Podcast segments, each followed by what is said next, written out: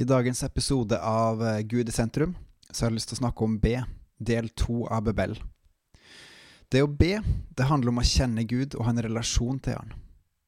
Du snakker direkte til Han, og det er også faktisk mulig å snakke med Han, som i en dialog fram og tilbake. Det er mye som kan sies, og så skal jeg som vanlig i hvert fall prøve å begrense meg i hvor mye jeg sier om alt det som jeg tenker på. Um, I dag er altså del to av Bebel, og den handler om å bygge Guds rike, og i dag så ønsker jeg å fokusere på én praktisk måte som man kan gjøre det på, og det er gjennom å, å be.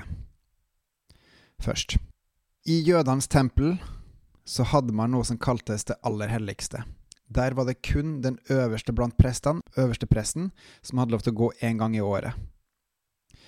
Da Jesus døde på korset, så revna faktisk forhenget inn til det aller helligste i jødenes tempel, det andre tempelet som sto oppført på den tida, eh, som altså er et bilde på at nå har vi gjennom trua på Jesus tilgang inn til Gud, hver enkelt som tror.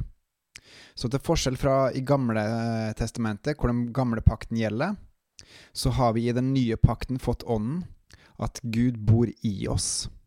Han bor rett og slett i hver enkelt som tror, og vi kan snakke med han når som helst, om nesten hva som helst, og uansett hvor vi er hen.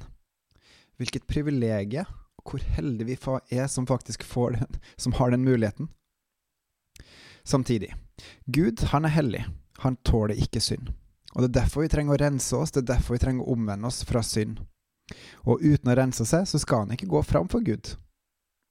Vi blir rensa til frelsen ved trua på Jesus, det er den grunnleggende renselsen. Og så må vi også rense oss gjennom å be om tilgivelse hos brødre og hos Gud. Og NBNB, husk at vi må også gå til den vi har synda mot av mennesker. Jesus sier, be ustoppelig. Han sier ikke at vi skal be hele tida, men hele tida. Ikke hvert sekund, men heller å ta jevnlig kontakt med han gjennom dagen. Noen ganger så kan den kontakten være på noen sekunder, minutter, andre ganger noen timer. Skjønt det siste gjelder vel kanskje de som er mest modne kristne, de som kjenner eh, Gud virkelig godt, og det er for øvrig en plass jeg ønsker må komme etter hvert. Å be handler altså om en relasjon med Gud, det å kjenne Gud. Bønn defineres ulikt, men kort sagt så handler bønn om å snakke med Gud, Han som har skapt både himlene og jorda.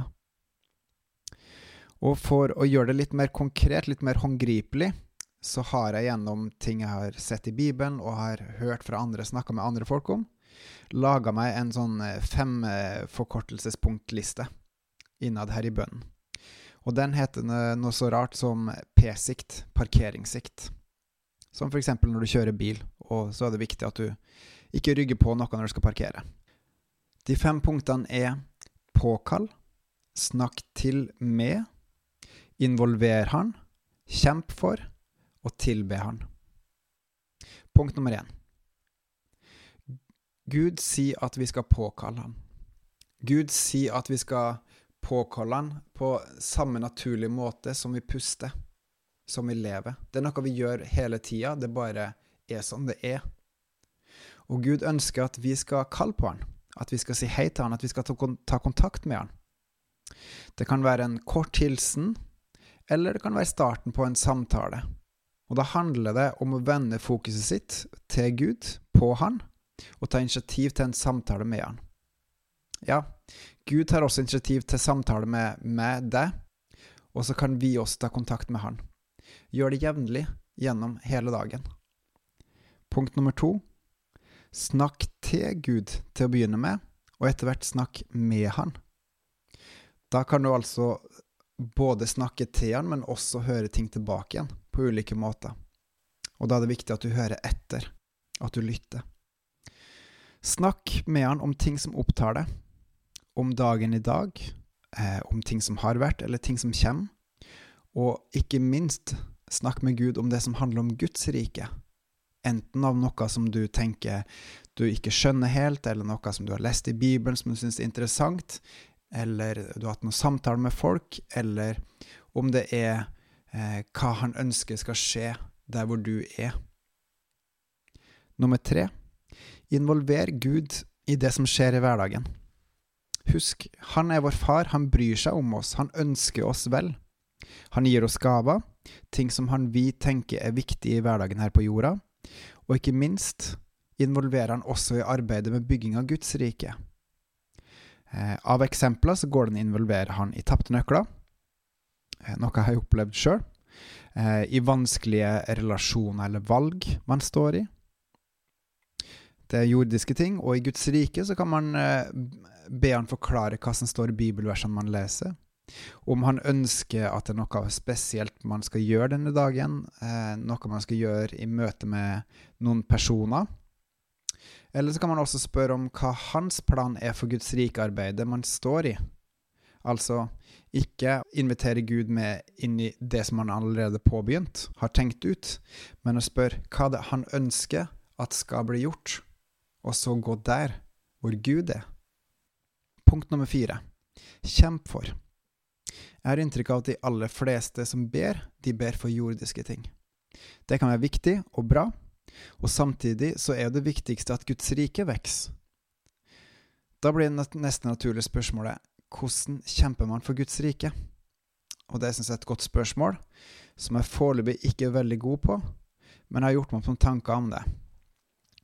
1. En viktig forutsetning er å vite hva som er viktig for Gud. Og det tenker jeg man gjør gjennom en stadig bedre kunnskap til Gud si, hva Gud sier gjennom Bibelen, vår sikreste kilde til Hans vilje sola scriptura, Skriften alene. Les i Bibelen og finn stadig flere av skattene som sier noe om hva Guds vilje er, hva hans sannhet er, hva hans hjertesaker er, og be etter de. Nummer to, spør Den hellige ånd om veiledning. Den hellige ånd kjenner Guds hjerte, han vet hva som er hans vilje, både generelt i Guds rike, og også spesifikt inn i vår tid og sted og i forhold til andre personer. Han har full kontroll. Og ved å spørre Ånden kan Han vise oss hva vi skal holde trykket på i bønna. Og ved å kombinere disse to punktene, når en ønsker å kjempe, så kan man rett og slett spørre en hellig ånd om hva han skal be for, og så kjempe for det ved å be rundt det etter Guds vilje. Det som Den hellige ånd åpenbarer til en, og det som en kjenner til gjennom Bibelen. Og de som har trent seg sterke, kan gjerne gjøre det her i flere timer, faktisk. Og for mange så er det nok sikkert også smart å trene seg sterk på det her sammen med noen andre. Den siste i p-sikt er å tilbe Gud.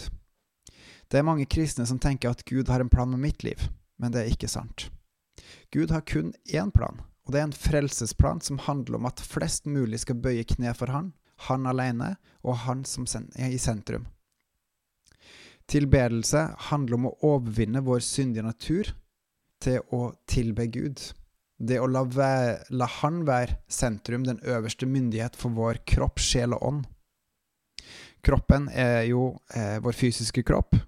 Sjelen består av intellekt, empati og vilje, og med ånden kan vi bli kjent med andre ånder, både mennesker, motstanderens ånd og Guds ånd, Den hellige ånd.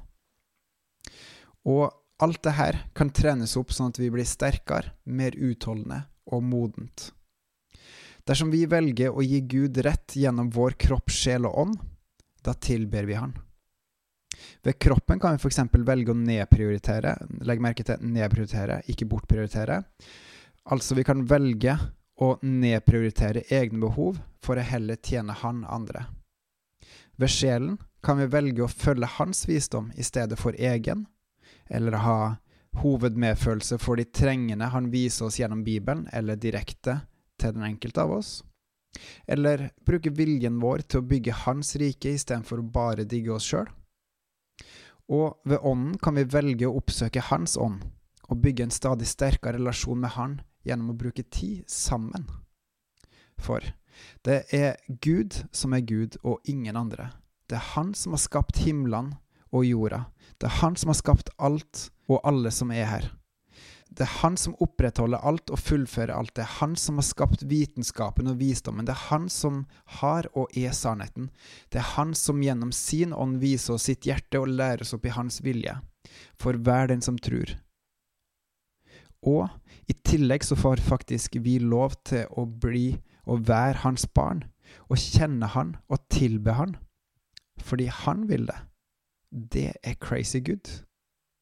På samme måte som en jordisk far elsker sitt barn først, og deretter blir elska tilbake, elsker også Gud sine barn først og ønsker å bli elska tilbake.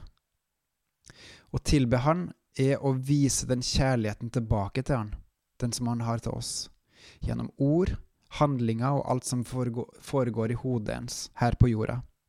Og ikke minst ved å oppsøke, påkalle han og fortelle han om hvorfor jeg, du setter så utrolig stor pris på han, hvorfor vi elsker han.